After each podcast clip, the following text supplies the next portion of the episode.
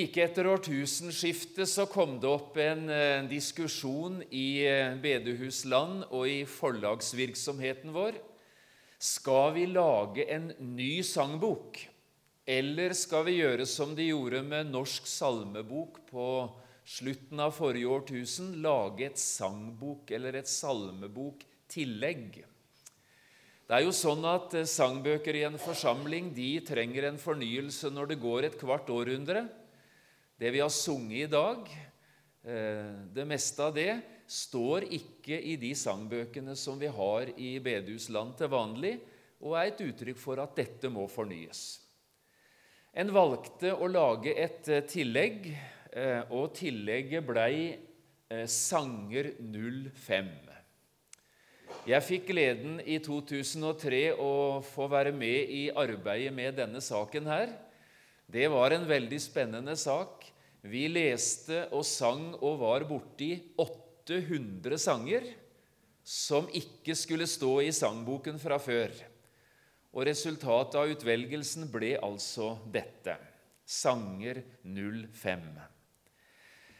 Vi fikk med alt vi ønsket å ha med, bortsett fra én sang. Hvorfor vi ikke fikk tillatelsen, det fikk jeg aldri noe svar på. Men eh, jeg skulle så gjerne hatt denne teksten med. Så når den ikke står i boken, så får vi ta den utenboks.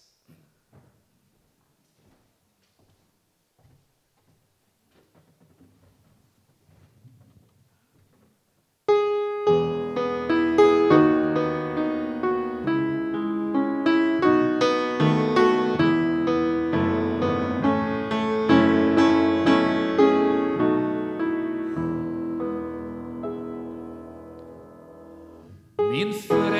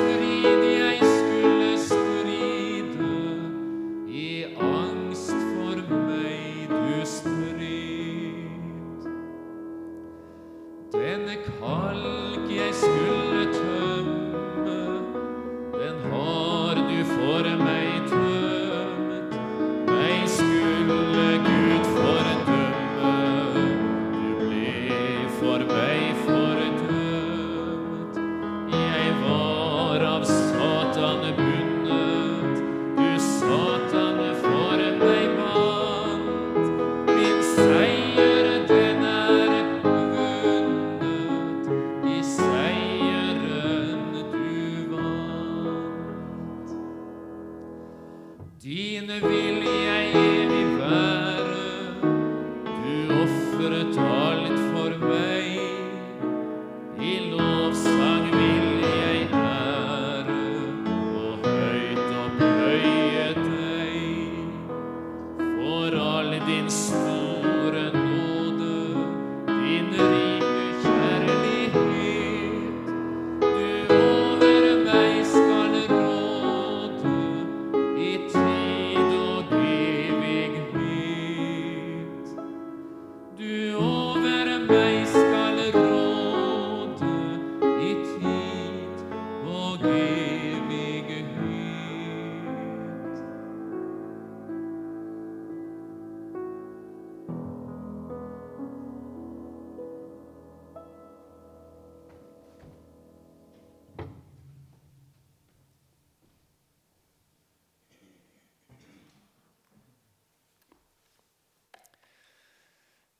Du er den eneste Jesus som kan alle språk her på jord.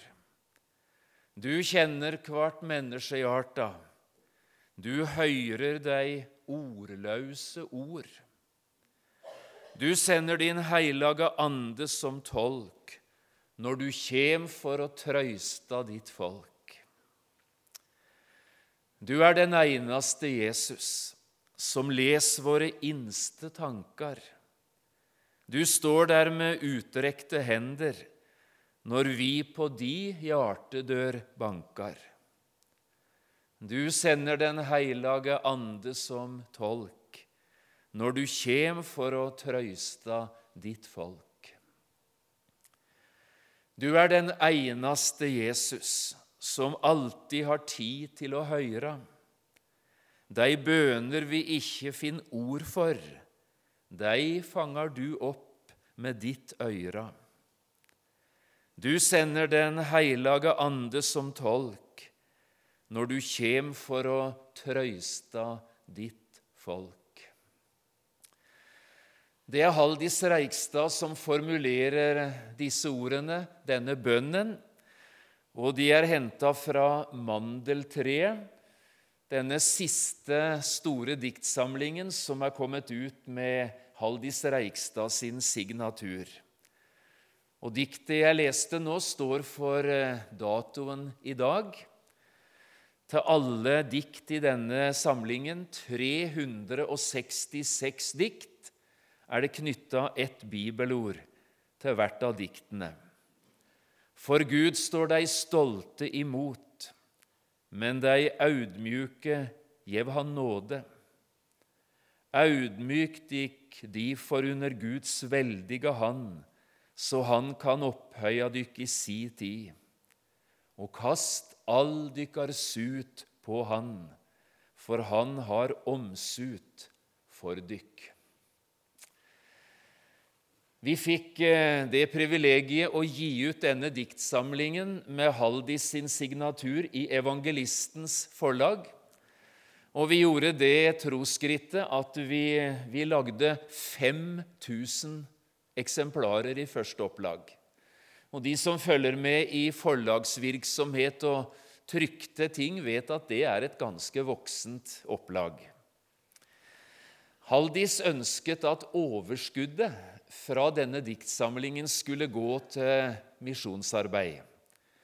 Og alt overskudd det deles mellom KPK-stiftelsen, Mercy Farms i Ukraina, som mange av dere som bor på Flekkerøya, nok kjenner godt, og P7 Kristen Riksradios internasjonale radioarbeid.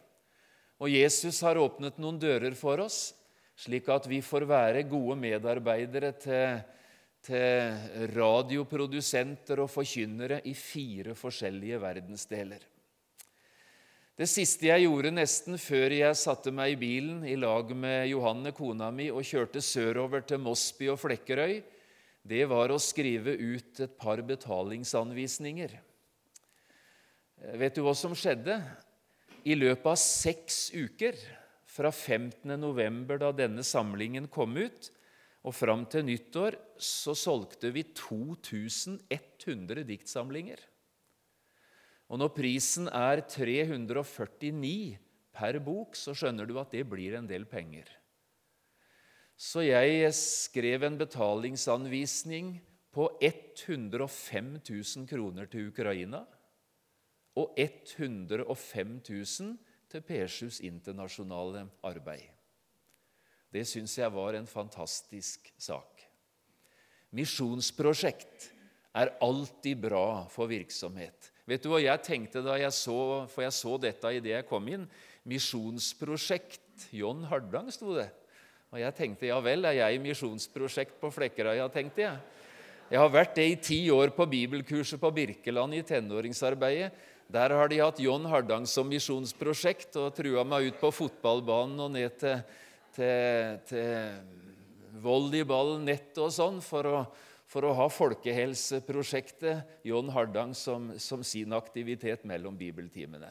Flott å høre at dere støtter eh, internasjonalt arbeid ett år, arbeid i nærmiljøet vårt et annet år. Eh, det velsigner Gud på en særlig måte. Det ligger noen eksemplarer av denne diktsamlingen der nede til dere som enda ikke har fått fatt i den. Eh, det er alle slags betalingsmuligheter, så har du penger, så ordner jeg resten. Så ligger det også en par-tre andre bøker som du gjerne må kikke på. Og så i tillegg en par-tre brosjyre. For tredje året på rad nå så skal vi eh, arrangere ei sang- og musikkhelg på Thon hotell i Fosnavåg med flotte sangkrefter både fra Sverige og Færøyene og vårt eget land. Vi har gjort det i to år nå i samarbeid eh, IMF Sunnmøre og P7 Kristen Riksradio. Og Det er vel ikke noen overdrivelse å si at det har folk likt godt, så vi har sprengt hotellet. Det er, tror jeg, noen få rom igjen eh, med tanke på arrangementet i slutten av august, så du som har tenkt å være med på det, du har ikke mer enn tid og vei. Eller så har jeg med noen brosjyrer fra Hermon Høyfjellssenter. I P7 så samarbeider vi tett med Ruth og Arne, Andreas og Jon oppe på Hermon. Og Jeg regner med dere følger såpass med i timen at dere vet at de har hatt en meget krevende høst. Ikke minst i forhold til Andreas sin tydelighet når det gjelder å ville stå på det Bibelen sier. Det har kostet mediesenteret en del avbestillinger. Det har kosta Andreas og Jon en del, unnskyld, Andreas og Elise en del av sitt familieoverskudd. Eh, men de står med rak rygg, eh, så jeg bare inspirerer det til fortsatt å be for denne unge familien. Ingen syns jeg kan smile så fint på vegne av Jesus som Andreas kan. Be for dem og ta vare på dem. De trenger det. Det er meget krevende for tida. P7-magasinet ligger der nede, og det er dere selvfølgelig også velkommen til å ta med. Jeg vurderte om jeg skulle vrenge av meg genseren her i stad, men jeg valgte ikke å gjøre det, for dere kunne få assosiasjoner til Boris Johnson hvis jeg gjorde det.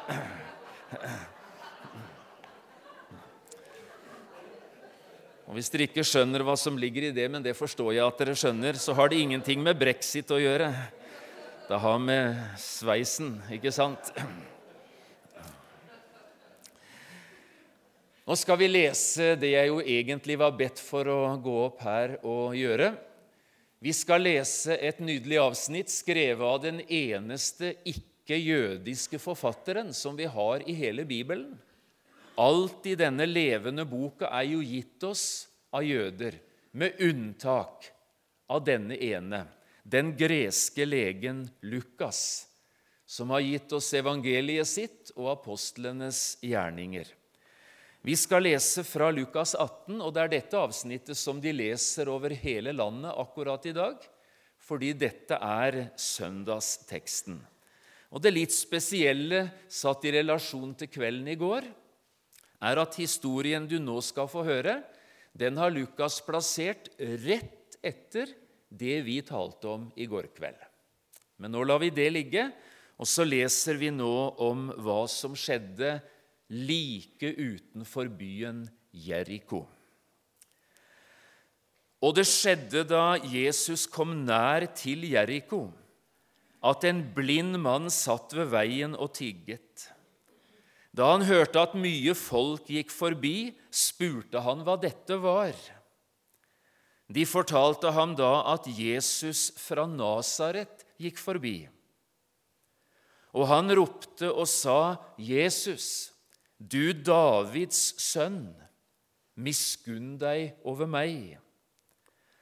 De som gikk foran ham, truet ham at han skulle tie, men han ropte enda mye mer. Du Davids sønn, miskunn deg over meg.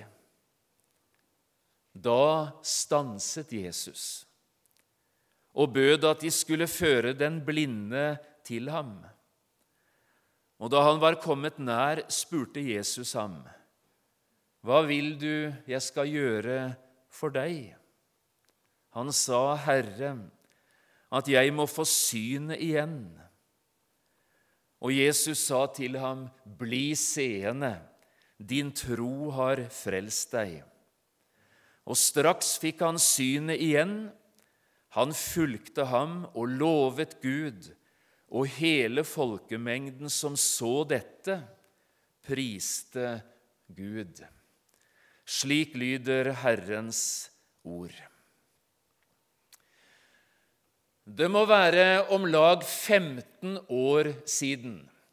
Det var sein sommer eller tidlig høst, og jeg skulle på en av semesterets første bibelhelger på Moltustranda på Søre Sunnmøre. Han som hentet meg på flyplassen og ga meg både mat og seng denne helga, det var Guttorm lederen i bedehuset på Moltustranda. Han er i tillegg til å være meget aktiv i misjonen, kokk og har grønne fingre, både han og kona hans. Og På lørdagen, en fin lørdag, så gikk jeg utenfor huset og rusla litt omkring i den utrolig flotte hagen som Guttorm og kona hans har stelt i stand. Det ligger i en sånn fin skråning blomster og bed og busker og trær. Og av alle ting så renner det en liten bekk, faktisk, nedover gjennom hagen. Ganske høyt oppe i hagen var det et sånt lite platå, og der sto det en benk. Da jeg kom opp til det platået, så jeg at på ryggen av benken var det skrevet noen ord som jeg aldri hadde sett tidligere på noen hagebenk. Vet du hva det sto? Vandrer, set deg ned og vær takksam. Vandrer, set deg ned og vær takksam. Guttorm som rusla omkring i hagen sammen med meg. Jeg så på han, og så spør jeg, 'Hvor har du det ifra, Guttorm?' 'Det har jeg lært fra Napoleon', sa han. 'Napoleon', sier jeg. 'Kjente du han?'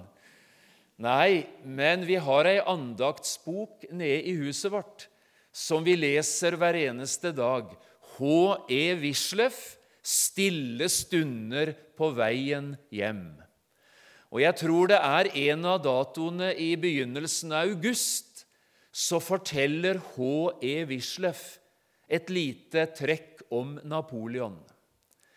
Da han var ført til Sankt Helena og tatt vare på på denne øya, så fortelles det at Napoleon i et relativt åpent fangenskap fikk laget en liten sti, nærmest en liten vei, opp til et platå på Sankt Helena med nydelig utsikt over havet.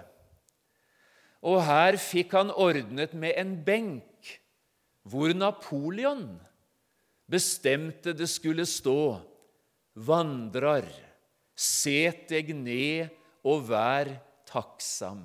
Ikke på nynorsk, selvfølgelig, men det er nynorskoversettelsen av Napoleons ord. Vandrer, set deg ned og vær takksam. Vet du hva jeg har lyst til å bruke disse minuttene til, som vi nå er i gang med?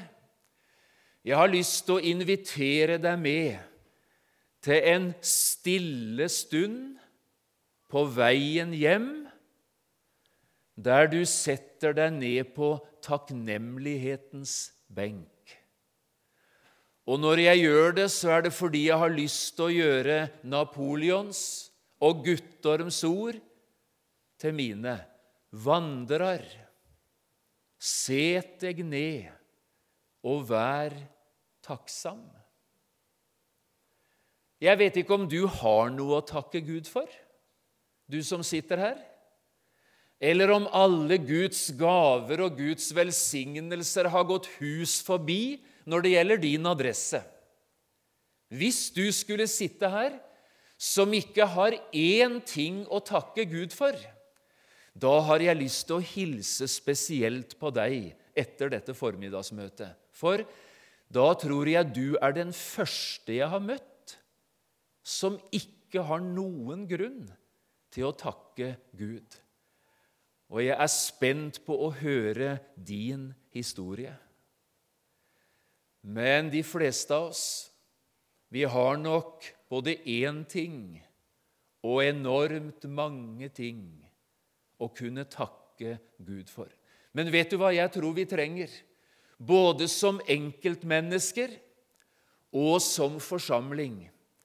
Vi trenger noen øyeblikk, noen minutter, der vi setter oss ned akkurat her, på takknemlighetens benk. Og når vi setter oss ned, så er det for å løfte blikket og sette ord på det vi har å takke Gud for akkurat i dag. Har du vært på takknemlighetens benk allerede i dag, kanskje? Så fint. Og hvis du ikke har, så må du brøyte tid denne søndagen til en stille stund på takknemlighetens benk. Du trenger det, og Gud elsker det. Det er litt forskjellige benker vi møter som kristne mennesker, ja, som mennesker i det hele. Har du vært på anklagebenken noen gang, f.eks.? Jeg tenker ikke om du har vært for retten anklaget for et eller annet, men likevel du har følt deg plassert på anklagebenken. Jeg har. Ofte. Og av og til er jeg usikker på om det er Gud som anklager meg, eller om det er djevelen som gjør det. For av og til så møter Gud oss med anklagende ord. Og er det noe som kjennetegner Satan, det navnet betyr jo anklager, så er det det at han plager oss og anklager oss og setter fingeren på ting. Du er ikke sånn som du skulle ha vært.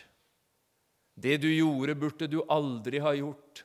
Hvordan kunne du forsømme Har du vært på anklagebenken?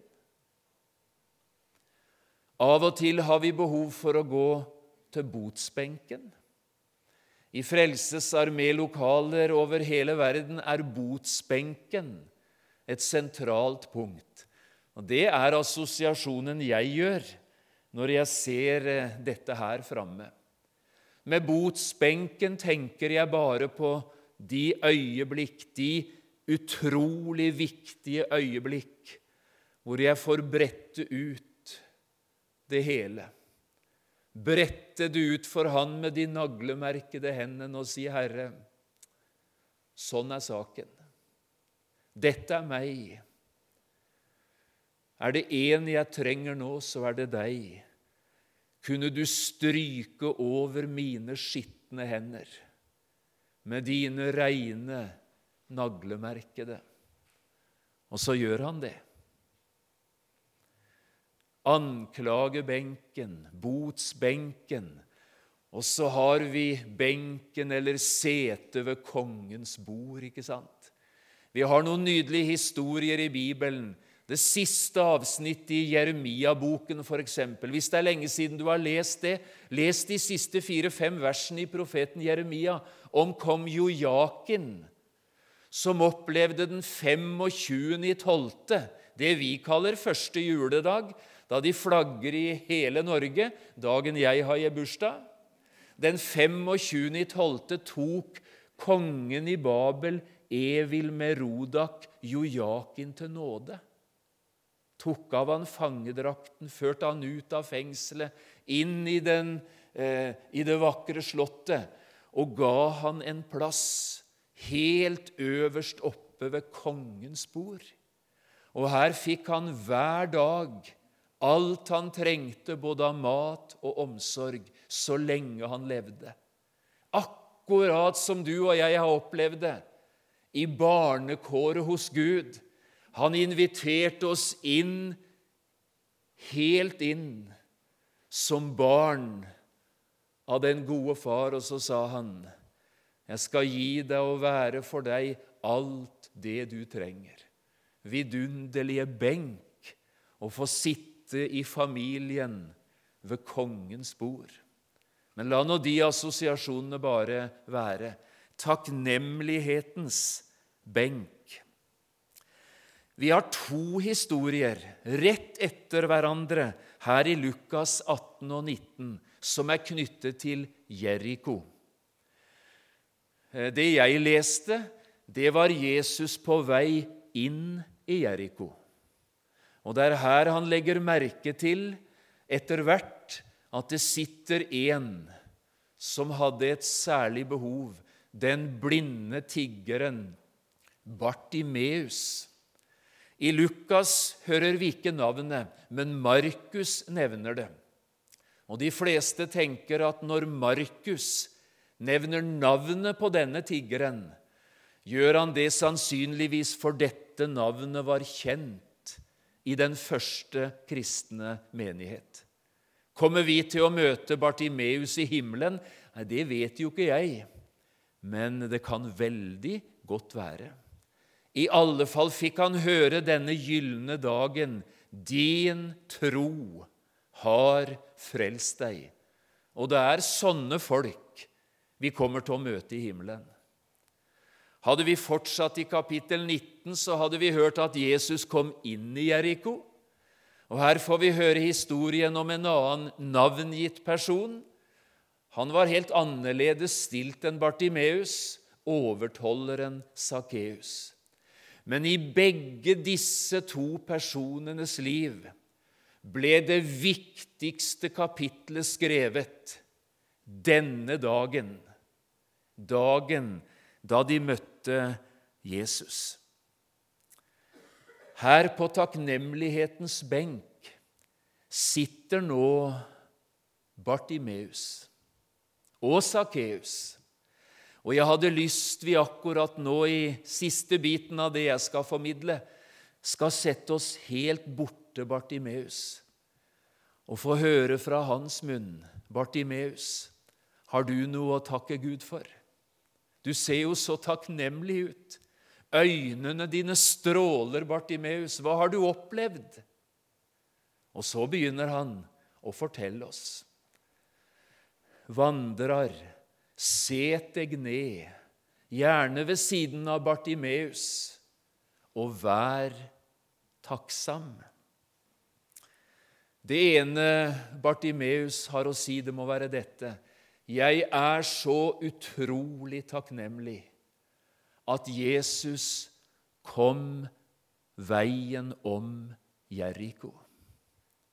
Det var her jeg bodde. Og da Jesus la veien om Jeriko, ble det min mulighet, ikke bare til å se han eller møte han, men å bli berørt av han. Se han forresten, sier Bartimeus. Jeg var jo ikke i stand til å se. Og hadde det ikke vært for Jesus, så hadde jeg ikke sett den dag i dag. Vet du, i formiddag har Jesus lagt veien om Flekkerøya. Er du klar over det? Han er nær. Han er her. Jeg tror ikke det er mange blinde Bartimeuser i bedehuset på Flekkerøya denne dagen. Men det er mange andre behov. Hør, Jesus fra Nasaret går forbi. Han er nær. Han er innenfor rekkevidde. Og du husker hva han spurte om, Jesus, da han etter hvert kom i kontakt med denne fattige tiggeren. Hva vil du at jeg skal gjøre for deg? Kan du prøve å se for deg det akkurat nå? Prøv å se for deg at Jesus står foran deg alle de andre dersom de ikke eksisterer for han. Han ser deg inn i ansiktet, og så sier han, 'Venn, nå er jeg her, og jeg er her for deg.' Hva vil du denne januarsøndagen at jeg skal gjøre for deg? Hva ville du ha svart han? Vet du, svar han. Sett ord på det. Det er ikke nødvendig at de andre hører det, men sett ord på det. Jesus, det gjelder dattera mi. Jesus, det gjelder dette dyrebare barnebarnet som vi er så urolig for. Jesus, det er denne naboen som jeg snakket med i går. Jesus, det er dette på jobben. Jeg vet ikke hva du ville ha nevnt for han. Hva vil du, spør han, at jeg skal gjøre for deg? Jeg er så takknemlig sier Bartimeus, at Jesus la veien om Jeriko. Vi kunne ha sagt mye om Jeriko, men det er en søndags formiddagspreken ikke anledningen til å gjøre. Men han fortsetter. Jeg er så glad for den spesielle dagen at Jesus stanset akkurat hos meg jeg er så utrolig takknemlig for at jeg opplevde besøkelsestid. Besøkelsestid, hva er det for noe? Hadde vi lest slutten av det neste kapitlet i Lukasevangeliet, slutten av 19, så har Jesus reist 1200 meter oppover han er kommet over Oljeberget. Hvor lang tid han brukte, vet jeg ikke, men det er siste gang Jesus går denne veien. Nå ser han et kors i det fjerne. Men når han kommer over Oljeberget og litt nedover mot tempelplassen, så begynner han å gråte. Kan du huske det? Jerusalem, Jerusalem. Å, hvor ofte jeg ville samle deg, som en høne samler kyllingen under vingene sine. Men dere ville ikke. Og Så sier han noe mer om det som nå kommer til å skje, og så avslutter han Du kjente ikke din besøkelsestid. Gode venner i bedehuset på Flekkerøya, kjenner dere deres besøkelsestid? Hvor mange bedehus i Norge tror dere det er hvor det er så mange til stede en søndag formiddag som her? Hvor mange bedehus i Norge tror du har så mange barn på plass som vi har sett i formiddag? Hvis du tror dette er gjennomsnitten, og at hos dere mangler dere en masse ting, og det er 134 ting som skulle vært annerledes, så har jeg lyst til å si nå må du åpne øynene dine. Sette deg på takknemlighetens benk og takke Gud for at det er besøkelsestid på Flekkerøya. Det er jeg brennsikker på at det er. Nei, det er ikke vekkelsestid i den fasongen som når Daniel Bakken sto her. Det er også besøkelsestid. Og Gud gi vi kunne få oppleve vårløysing også i den fasongen. Men når barna kommer, og tenåringene, konfirmanten, er en bit av det, og barnefamilien er her, og voksengenerasjonen og alderdommen er til og med representert, både ved meg og andre Vandrer, set deg ned og vær takksam. Litt mindre pekefingeren opp og litt mer ti fingre foldet i bønn. Enten på denne måten eller denne måten eller denne måten, eller hvordan du gjør det. Vandrer, set deg ned og vær takksam. Gode venner, dere har et utrolig ansvar i disse årene og dagene for det Jesus har lagt i hendene deres akkurat nå. Og nå trenger dere hverandre. Hold rundt hverandre. Oppmuntre hverandre. Sett mot i den som holder på å miste motet. Ta dere av de som gråter og ikke får det til. Det er nok av katastrofer bakom eh, veggene også på Flekkerøya. Men kjenn besøkelsestida. Set deg ned, gode medvandrer, og vær takksam. Men aller mest, sier Bartimeus, jeg er så takknemlig for synet. Jeg var blind, men jeg ser. Jeg var i mørket, men vidunderlig opplevelse. Det er blitt lys. Hva er den riktige måten det blir lyst på? Hva tenker du om det? Hva er den riktige måten det blir lyst på? Er det soloppgang, eller er det elektrisk anlegg og lysbryter? Hva er den riktige måten? Nei, sier du, det var et merkelig spørsmål. Er det en riktigere måte å bli lyst på? Er det én måte som er riktigere enn andre? Ja, tenker jeg, det er iallfall stor forskjell. En soloppgang tar lang tid. Det er helt mørkt, og så demrer det. Og det er ikke gjort i et knips. Det tar jammen en del tid. Fra mørkt til høylys dag. Det er mye enklere med lysbryter. Det er bare å vri på, og bang, så er det lyst.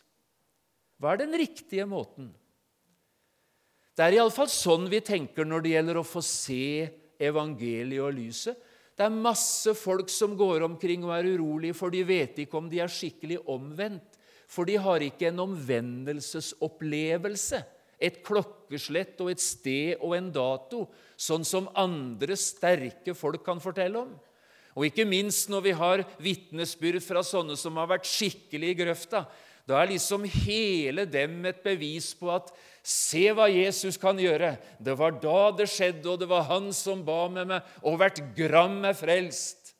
Vi misunner jo av og til sånne, liksom. Men så får vi litt vanskeligheter, for vi har jo ikke akkurat verken grøfteerfaringen eller lysbrytererfaringen. Kanskje er du til og med så alminnelig at du har gradvis vokst inn i det. Du trenger Jesus i dag like mye som de andre. Du er like takknemlig for Jesus du som de andre, men du har liksom bare ikke den opplevelsen. Da har jeg lyst til å spørre hva er den riktige måten å bli frelst på? Er det ene riktigere enn det andre? Hør her. Vandrer, set deg ned og vær takksam at det er lyst for deg, at du ser.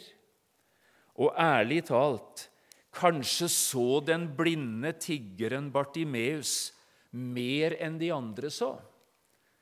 Og nå skal du få det til slutt. Husker du ordene han brukte da han ba? Jesus Hva sa han så? Jesus, Davids sønn, miskunn deg over meg. Vet du hvem Davids sønn var? Det var Messias. Den blinde Bartimeus hadde hørt såpass mye og fått tak i såpass mye som disiplene enda strevde med å komme på plass på. Denne nasareeren må være Guds utvalgte. Han må være Messias. Jesus Davids sønn, miskunn deg over meg. Det er første gang i hele Jesu liv at noen tiltaler Jesus offentlig som Messias. Det gjør Bartimeus. Hadde han rett? Av og til ser blinde mer enn seende ser. Av og til er seende mer blinde enn den blinde. Hva tenker du om Jesus? Vandrer, set deg ned og vær takksam.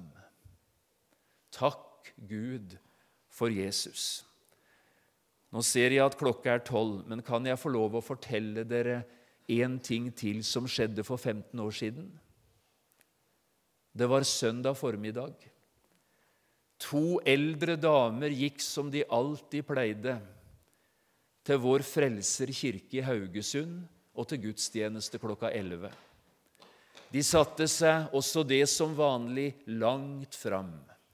De var med i salmene, i bønnene, de lyttet til tekstlesningen, de bekjente sin kristne tro og hørte prekenen. Så ble de invitert til nattverdbordet, og begge to ruslet fram som noen av de første, bøyde sine kne, tok imot brød og vin, og med bøyde knær takket de Gud for Jesus. Og så gikk de ned og satte seg. Da siste salmen skulle synges, finner den yngste av de fram salmeboken og åpner det på nummeret. Den andre satt helt i ro med salmeboka i fanget. Den yngste dulter borti den eldste og tenker 'hun har vel ikke duppa av'. Så faller hodet framover, og hun forstår her er livet ikke lenger til stede. Hun jeg forteller om, er svigermor, og det skjedde for 15 år siden. Det siste hun gjorde før hun flytta, det var å bøye sine knær og takke Gud for Jesus. Så nydelig å få flytte rett fra takknemlighetens benk like inn i den store takkefesten. Har du bøyd kne? Takker du Gud for Jesus? Vandrer, set deg ned og vær takksam. Jesus, vi ønsker med livet vårt å tjene deg. Og vi vet, Herre, det er ingen bedre måte å gjøre det på enn å leve vårt liv i takknemlighet for det du har gjort. Herre, la mange se det, høre det og sette sin lit til Herren. Amen.